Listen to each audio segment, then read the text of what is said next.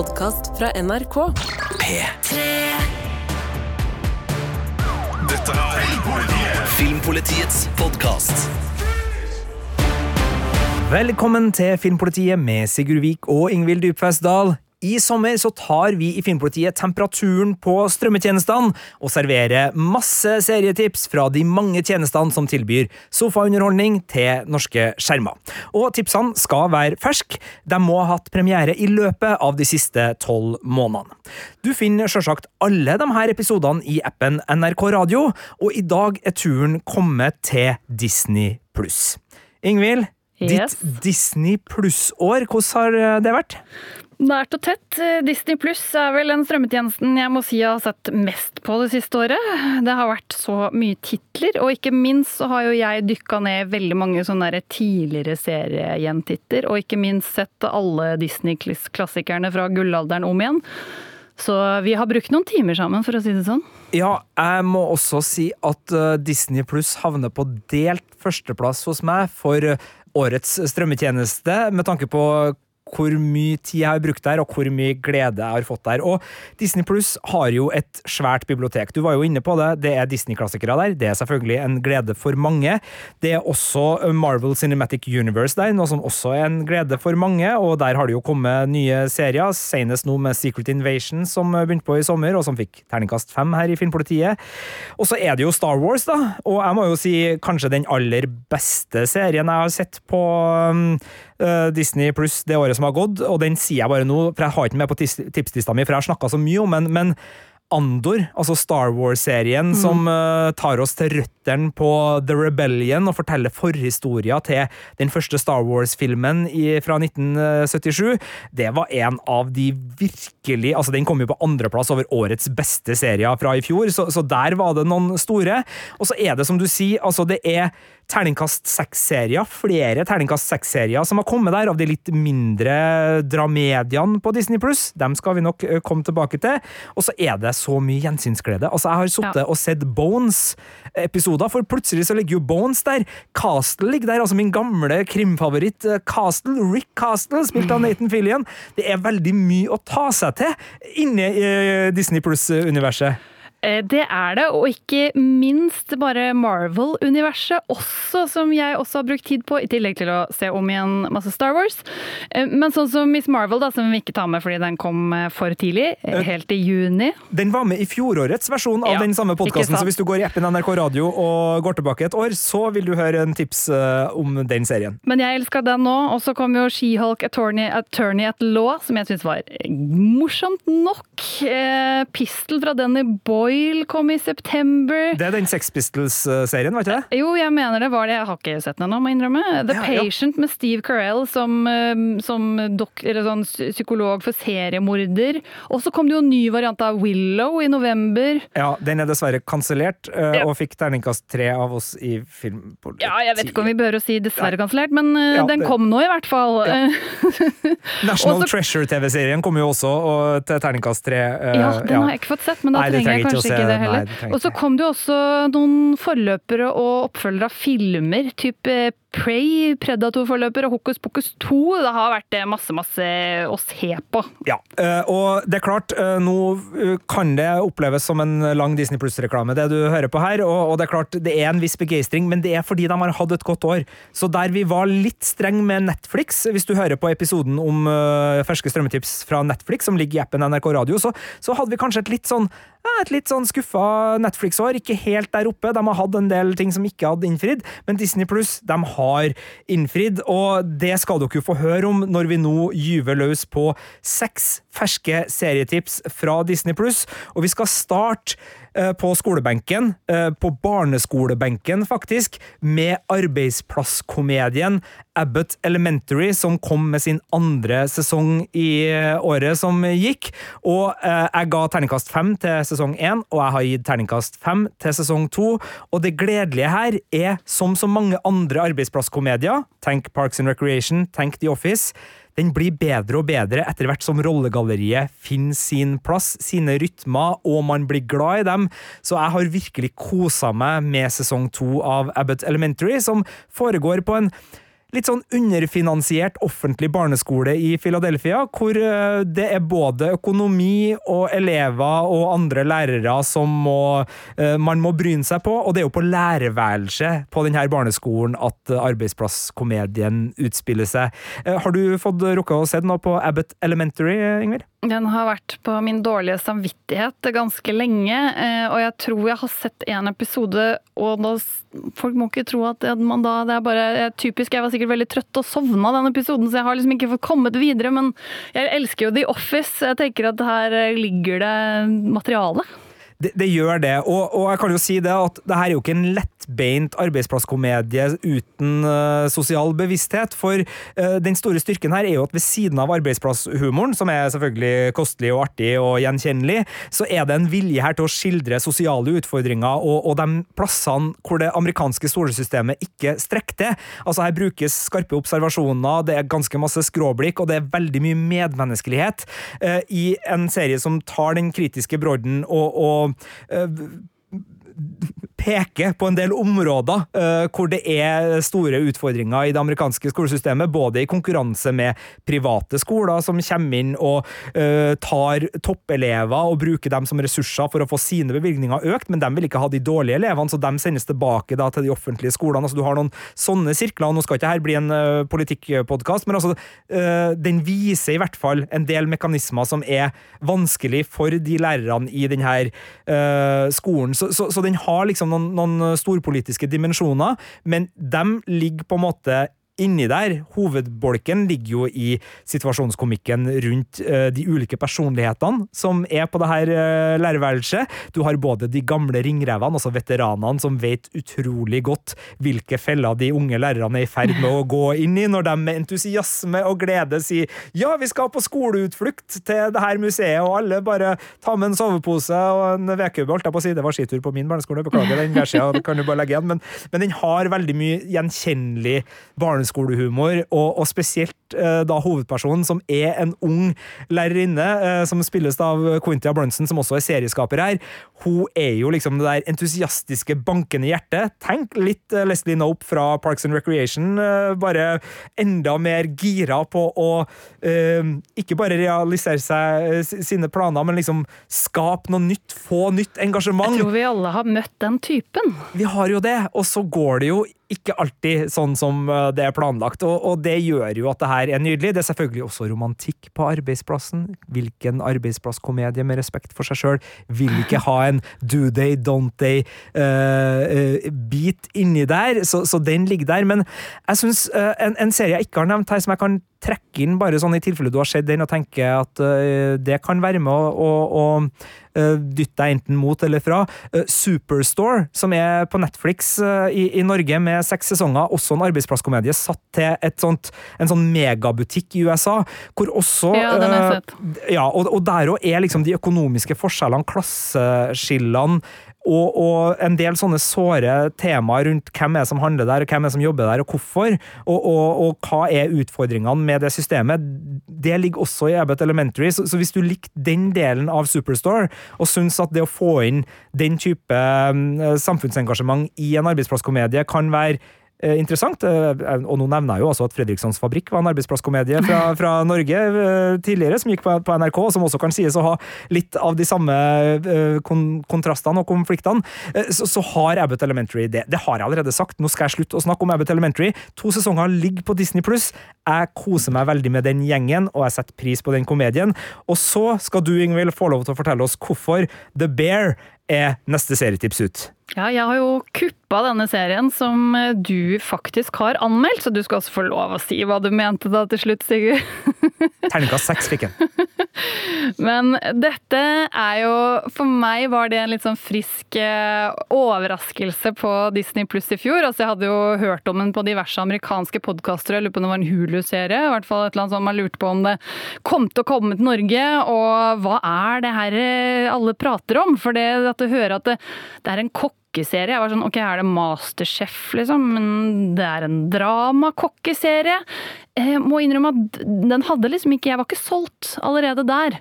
Men så kommer denne her, da. Med Jeremy Allen White i hovedrollen som kokken Carmen Carmi Bersatto. Han eh, setter nesa hjem til Chicago for å drive en sandwich-restaurant etter at eh, broren dør. Og han har jo da vært vant til litt mer sånn fine dining i New York, og får vel et eh, ganske brutalt møte med det som er en helt annen kultur i Chicago. Hvor han eh, prøver å dra opp kvaliteten og samtidig drive på en måte videreføre det denne sandwichsjappa skal være, da. Og så er det jo hele persongalleriet rundt og disse som er med på å bemanne dette kjøkkenet. Her får du jo persondrama av ypperste klasse, samtidig som du får disse nydelige matbildene og dette Du kan liksom lukte og kjenne på temperaturen og trykkokeren i det kjøkkenet. Eh, og det er jo som du sier, Sigurd, at det her kjenner du jo i smaksløkene også, i tillegg til synsnerven. Så dette er en eh, god eh, perle for eh, mange sanser. Åh, det er altså en uh, sann seriefryd. Uh, musikken er tilfeldigvis overlappende med mange CD-er jeg hadde i CD-samlinga mi da jeg vokste opp. Altså, den starter med det svenske hardcore-bandet Refused, som setter tonen fra første episode. starten av første episode. Det er Suffian Stevens, det er Wilco. Det er altså så mye god alternativrock som brukes så fornuftig. Altså, de er plassert naturlig inn i serieuniverset, og spesielt i én episode så er musikken som er ganske støyete, med å bare liksom ta oss inn i en så kaotisk, intens runde på kjøkkenet at du sitter bare helt sånn Den varer bare 20 minutter, den episoden, men du mm. sitter helt sånn sliten uh, tilbake i, i godstolen, uh, for det er bare så vanvittig mange sanseinntrykk som uh, spiller på lag samtidig.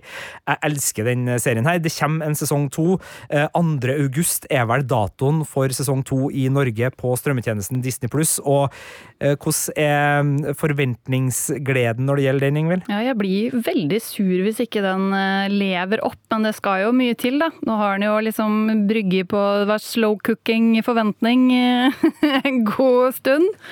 Så jeg tror dette Det blir deilig å se igjen uansett. Det blir det. Og ja, eh, du nevnte jo altså Man kan få lyst til å både bli en bedre kokk sjøl og lage noen ekstravagante måltid, og man kan også ja, vær nå advart, da. Man kan få lyst på mat eh, når man setter seg ned og ser The Bear, men ikke nødvendigvis liksom uh, potetgull. Uh, det kan hende at du får lyst på litt mer sofistikerte uh, kunstneriske matgleder der. Men The Bear på Disney pluss, et serietips.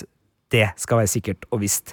Det er også den neste serien vi skal til, og da skal vi bort fra fiksjonen og over i dokumentarsjangeren, og det her er en godbit for den eh, litt film- og serienerdete delen av eh, dere som hører på. Dristig valg. Ja, det er jo det, men dokumentarserien Light and Magic, som da handler om det er da uh, studioet uh, Light and Magic som, som ble starta i, rundt den første Star Wars-filmen, og som da er Lucasfilm sitt anliggende, om spesialeffektene, om alt med filmtriks og glede som ble laga for å gi oss noen av de aller største og beste filmene som finnes der ute, i hvert fall fra Hollywood, det er altså fascinerende TV. Det er jo en hyllest til kreativiteten, til kunsten og til en gjeng pionerer som er, ja, for å si det med klisjeene, litt sånn cowboyer i bransjen, som George Lucas samla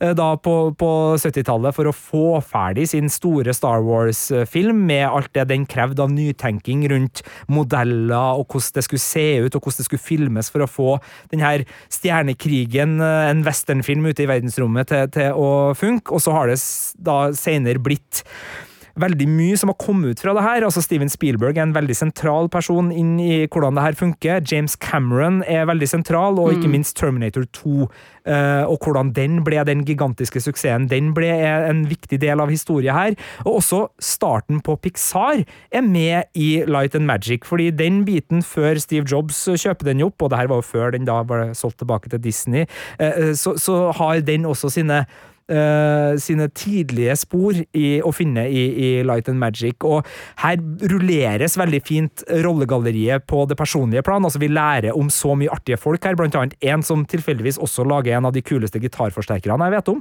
Det visste ikke jeg før jeg så på Light and Magic, men altså det er en, en gjeng her vi møter som er ganske fargerik og, og artig å følge med på.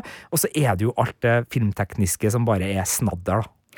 Det høres jo ut som Disney har gjort noe lurt her og lagd en slags eh, dokumentar-egenreklame for eh, sin, sitt bibliotek etter hvert, selv om de ikke var nødvendigvis involvert i starten. Og, og du sier noe der. altså det er klart I utgangspunktet så er jo de her podkastene hvor vi driver og anbefaler ting på de ulike strømmetjenestene, farlig nær reklamen. Og det er klart når man reklamerer for uh, re egenreklame på en tjeneste som er klar reklame, nei, nei. Så, så, begynner metalagene å bli gode. Men du har helt rett. Og, og det er klart, det her er ikke den Uh, ja, Den er ikke fri for, for, kritiske blikk, det er den ikke. Men, men det er ikke en uh, dokumentar som med, med, journalistens mest ivrige uh, pirkeblikk gyver løs på det her og problematiserer. Det, det, er en hyllende dokumentar, det er det absolutt. Men det er klart, det er en grundig dokumentar med en tilgang på råstoff som er helt unik, fordi den er jo laga med den velviljen i og med at det er Lucasfilm som, som, som har stått bak også produksjonen av dokumentaren.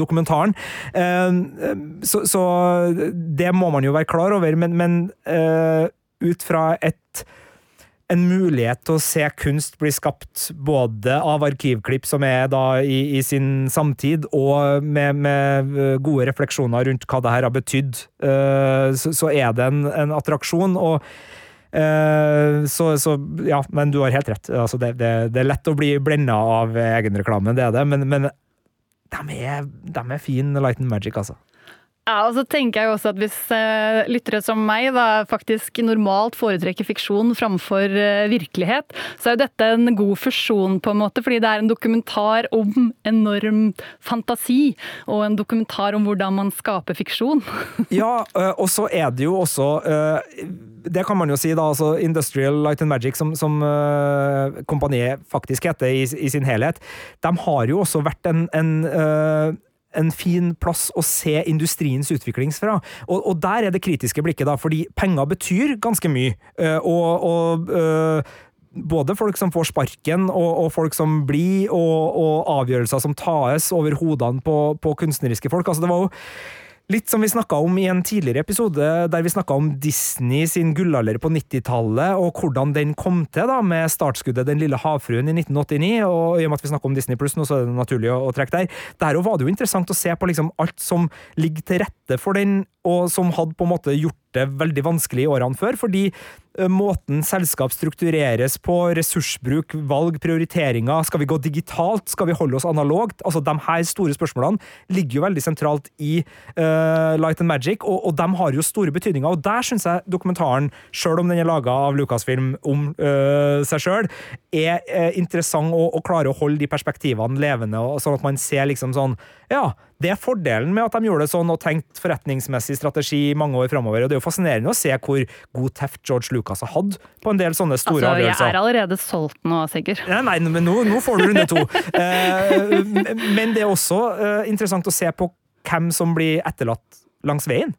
Eh, ja. Og der har filmen også et, et, hjerte, et bankende hjerte for dem som har vært med å bygge det opp, men som kanskje blir litt forbigått da, av at uh, moderne tider i Hollywood eh, tar andre retninger. Så Light and Magic, altså en dokumentar uh, på men Disney Pluss. Miniserie, altså, for du sa film. Men det er miniserie. Ja, det, det er miniserie. Har jeg sagt film? Nei, du sa det akkurat bare nå. Oh, ja, ja, nei, det er en dokumentarserie. Seks episoder. Ja, for jeg ble forvirra når du og, sa filmen. Nei, nei, nei. Jurassic Park er også med her. Det, det kom jeg på nå, fordi den uh, siste episoden heter No More Pretending You're Dinosaurs.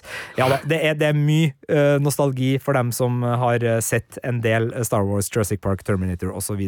her. Du har neste tips uh, ut, og da skal vi bevege oss bort fra Lucas, bort fra dinosaurer, bort fra stjernekrig og til New York.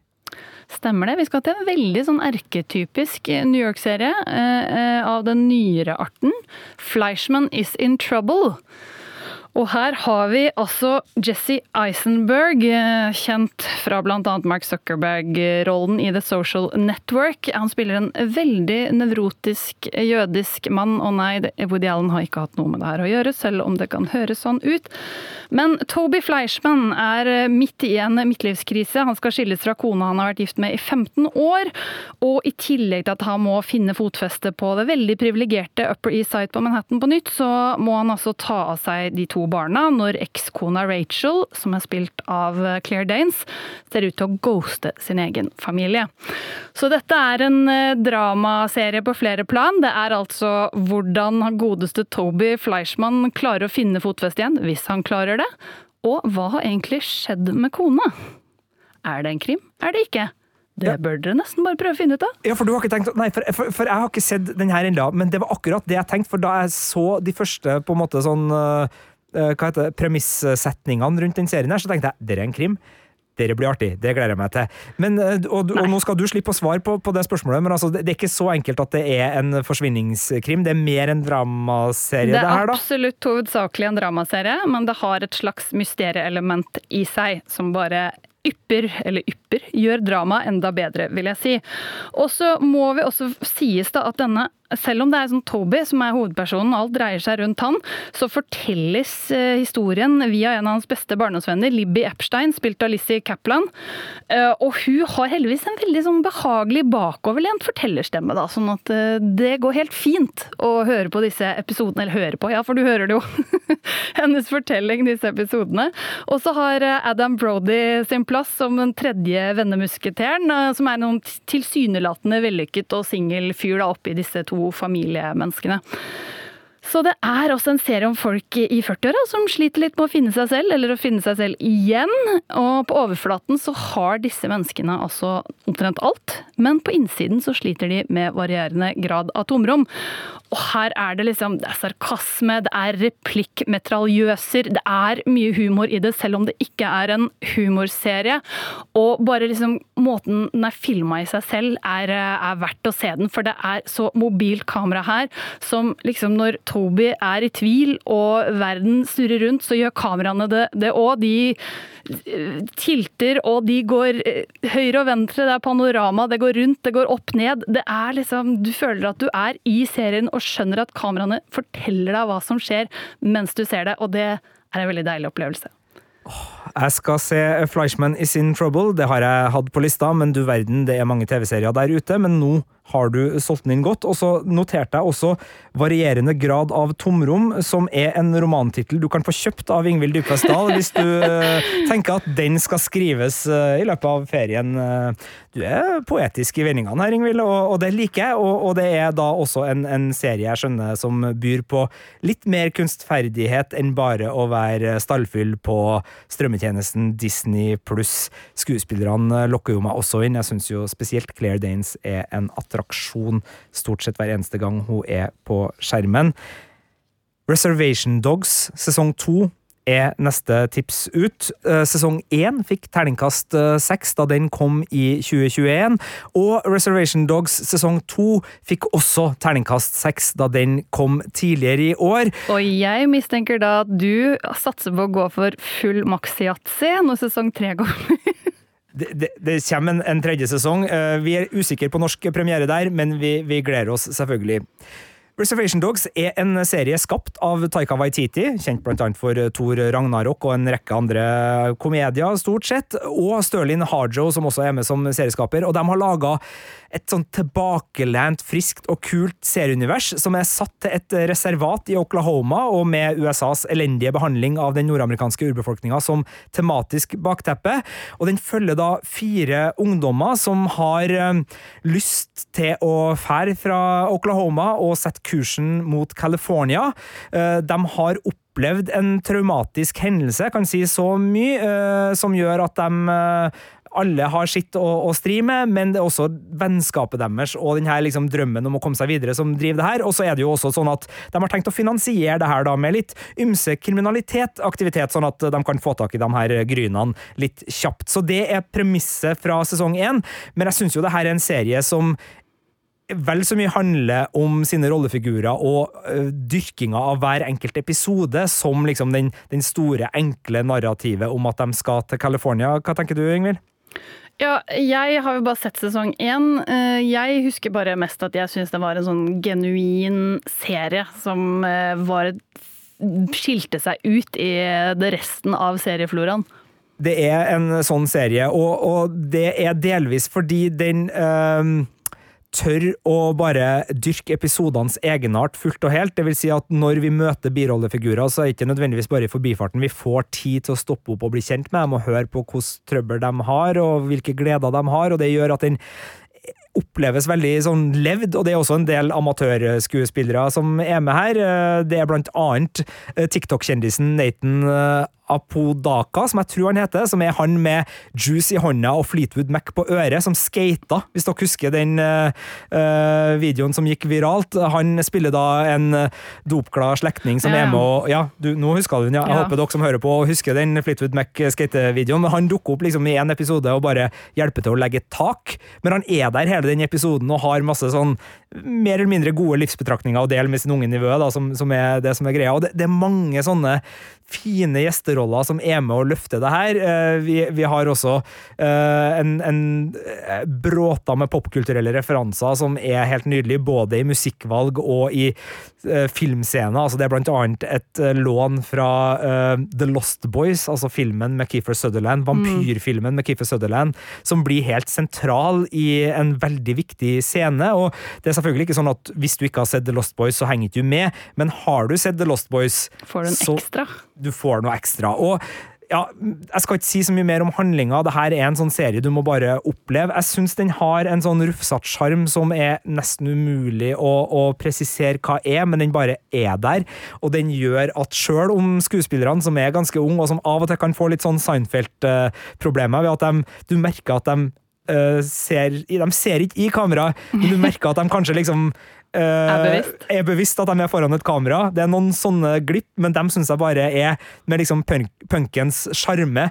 Litt sånn med på greia, og, og de, de, det er et hva skal man si, flawed masterpiece, altså et uperfekt mesterverk i, ja. i mine øyne, det her.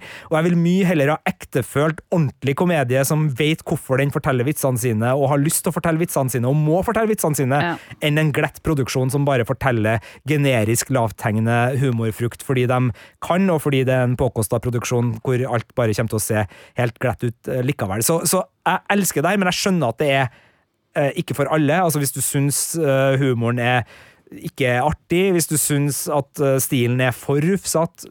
Forståelig, forståelig, men, men, for oss som er disponert Fytti rakkeren, det er mye å glede seg over i Reservation Dogs. Både sesong én og to, og forhåpentligvis også da sesong tre, som kommer uh, på Disney pluss en gang. Vi har bare ikke fått vite uh, norsk. I år, tror vi. Vi håper det. Samtidig, det ble januar i i år you på den som know. kom i fjor.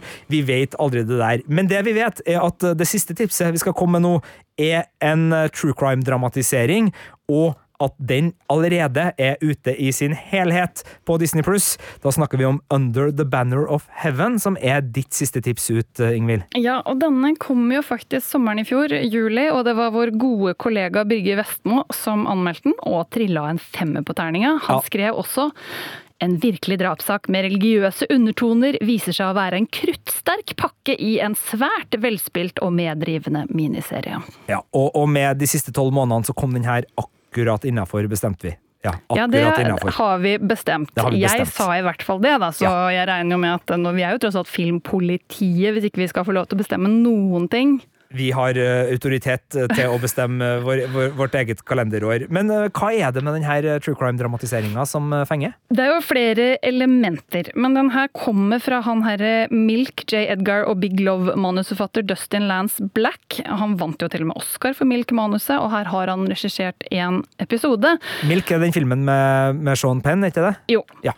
Og det som er relevant med det, er mye som er relevant når du har eh, skrevet noe, men eh, han er også tidligere medlem av LDS-kirken, ikke bland med LSD, men Latter Day Saints. Så han bruker altså egne erfaringer, fordi denne serien er basert på en true crime-bok av John Krauker om drapet på Brenda Wright Lafferty og hennes lille datter i Salt Lake City i Utah i 1984. Så vi befinner oss i et mormonermiljø, og utgangspunktet er altså en forbrytelse som faktisk fant sted, men dette er jo en fiksjonsserie, krimdrama, så vi kan selvfølgelig ikke gå god for at absolutt alt her har skjedd. Og eh, hovedrollen har Spiderman og Tick Tick Boom-stjerne Andrew Garfield. Eh, han spiller etterforskeren Jeb Pyre, som selv er mormoner. Så du kan jo tenke deg selv, da. Her får han sin egen tro satt på prøve gjennom jobben, og så må han liksom nøste opp i sitt eget miljø samtidig, og blir ikke da nødvendigvis veldig populær når han gjør det. Eh, vi har også noen andre kjenninger. Daisy Edgar Jones er inne som drapsofre. Og så har vi Sam Worthington som spiller broren hennes. Den her Lafferty-klanen er veldig stor, altså, så jeg skal ikke ramse opp alle som spiller der. Men det er altså Altså et spennende utgangspunkt, gode skuespillere og liksom bare en fascinerende miljø, syns jo jeg, da. Jeg husker jeg tenkte da jeg så den her, og jeg er helt enig med deg, det, det er virkelig en anbefaling. Det her kunne ha vært sesong ja, nå blir det jo fire, da, eller fem, eh, litt usikker, av True Detective. Altså, ja, jeg har tenker på True eh, Detective. Ja, den har den True Detective-stemninga. Ja. Altså, det er noe uhyggelig litt bortenfor uh, synsfeltet vårt, som vi, vi, aner at her er Og det er noen som har gjort det er noen, altså Grunnen til at hun her er død, det er noe skikkelig det er noe skikkelig fælt nå. Noen har noen svim på skogen, og Ja. du må muligens se deg i speilet for å finne det. Ja, og, og måten det religiøse ligger over her, både da, som du var inne på, som en sånn skikkelig kjernete strid på det indre plan for den etterforskeren som da er nødt til å innse at det er deler ved sin religiøse overbevisning som andre har tolka annerledes, og, og, og det fører en ut mot en tolkning av troen som, som gjør at han virkelig må ta noen runder med seg sjøl, og, og ikke minst sitt eget familie. Og så er jo også det presset han kjenner på fra eh, sine medborgere, for det er jo flere som er tilknytta mormonerkirka her, som gjør at eh, kan ikke denne etterforskninga gjøres raskt og effektivt og på en eh, pen og pyntelig måte, sånn at det ikke blir noe skandale, kjære politimann. Det er jo en kjent eh, greie, den finner du i veldig mange krimserier, eh, og her er den eh, også med på å gjøre at man eh, kjenner at det knytter seg litt i nevene mot uh, i, i, irritasjon mot uh, maktpersoner som burde ha visst bedre. Korrupsjon uh, finnes jo i mange varianter i mange miljøer. Det gjør det. Så det her er en serie med mange bein å stå på, og den står stødig. Kan jo også nevne at estetisk sett så er det her en serie som virkelig tar seg godt ut i, i krimdrakt. Det er mye naturlig lys, det er mye litt sånn poetiske drag over uh, filminga her, samtidig som den har den her skittenrealistiske, nesten sånn ikke nordisk noir-paletten, for den er mørkere, den lyser enn her, men, men igjen, da, tenk True Detective sesong én, og den True Detective med litt himmelens lys. der har du overskrifta. Eh, men Birger Vestmo hadde en annen overskrift. Hva var det?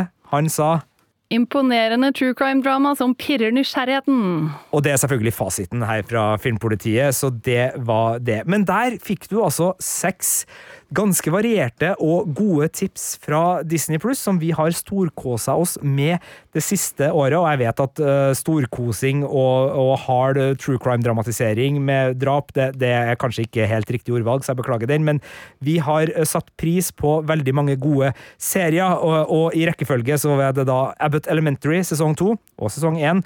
Uh, Det var The Bear. Det var uh, Light and Magic, dokumentarserie om Industrial Light and Magic, som lager spesialeffekter. Det var Fleischman Is In Trouble. Det var Reservation Dogs sesong to og én. Og Under the Banner of Heaven. Og du finner alle disse på Disney pluss, og du finner også flere episoder om de andre strømmetjenestene i appen NRK Radio, hvor tipsene strømmer på i hele sommer. En podkast fra NRK. Å sitte ute og skåle med dine aller beste venner og sola føles som den aldri går ned, på en kveld der det faktisk er varmt og godt. Kjente folk gir deg skikkelig god feriestemning. Høye danske smørbrød. Smaken av jordbær. Kose meg og høre på musikk. Å få på meg et festivalbånd, en softis, glovarme bilsetter. en dag med lite planer. Hør feriestemning i appen NRK Radio.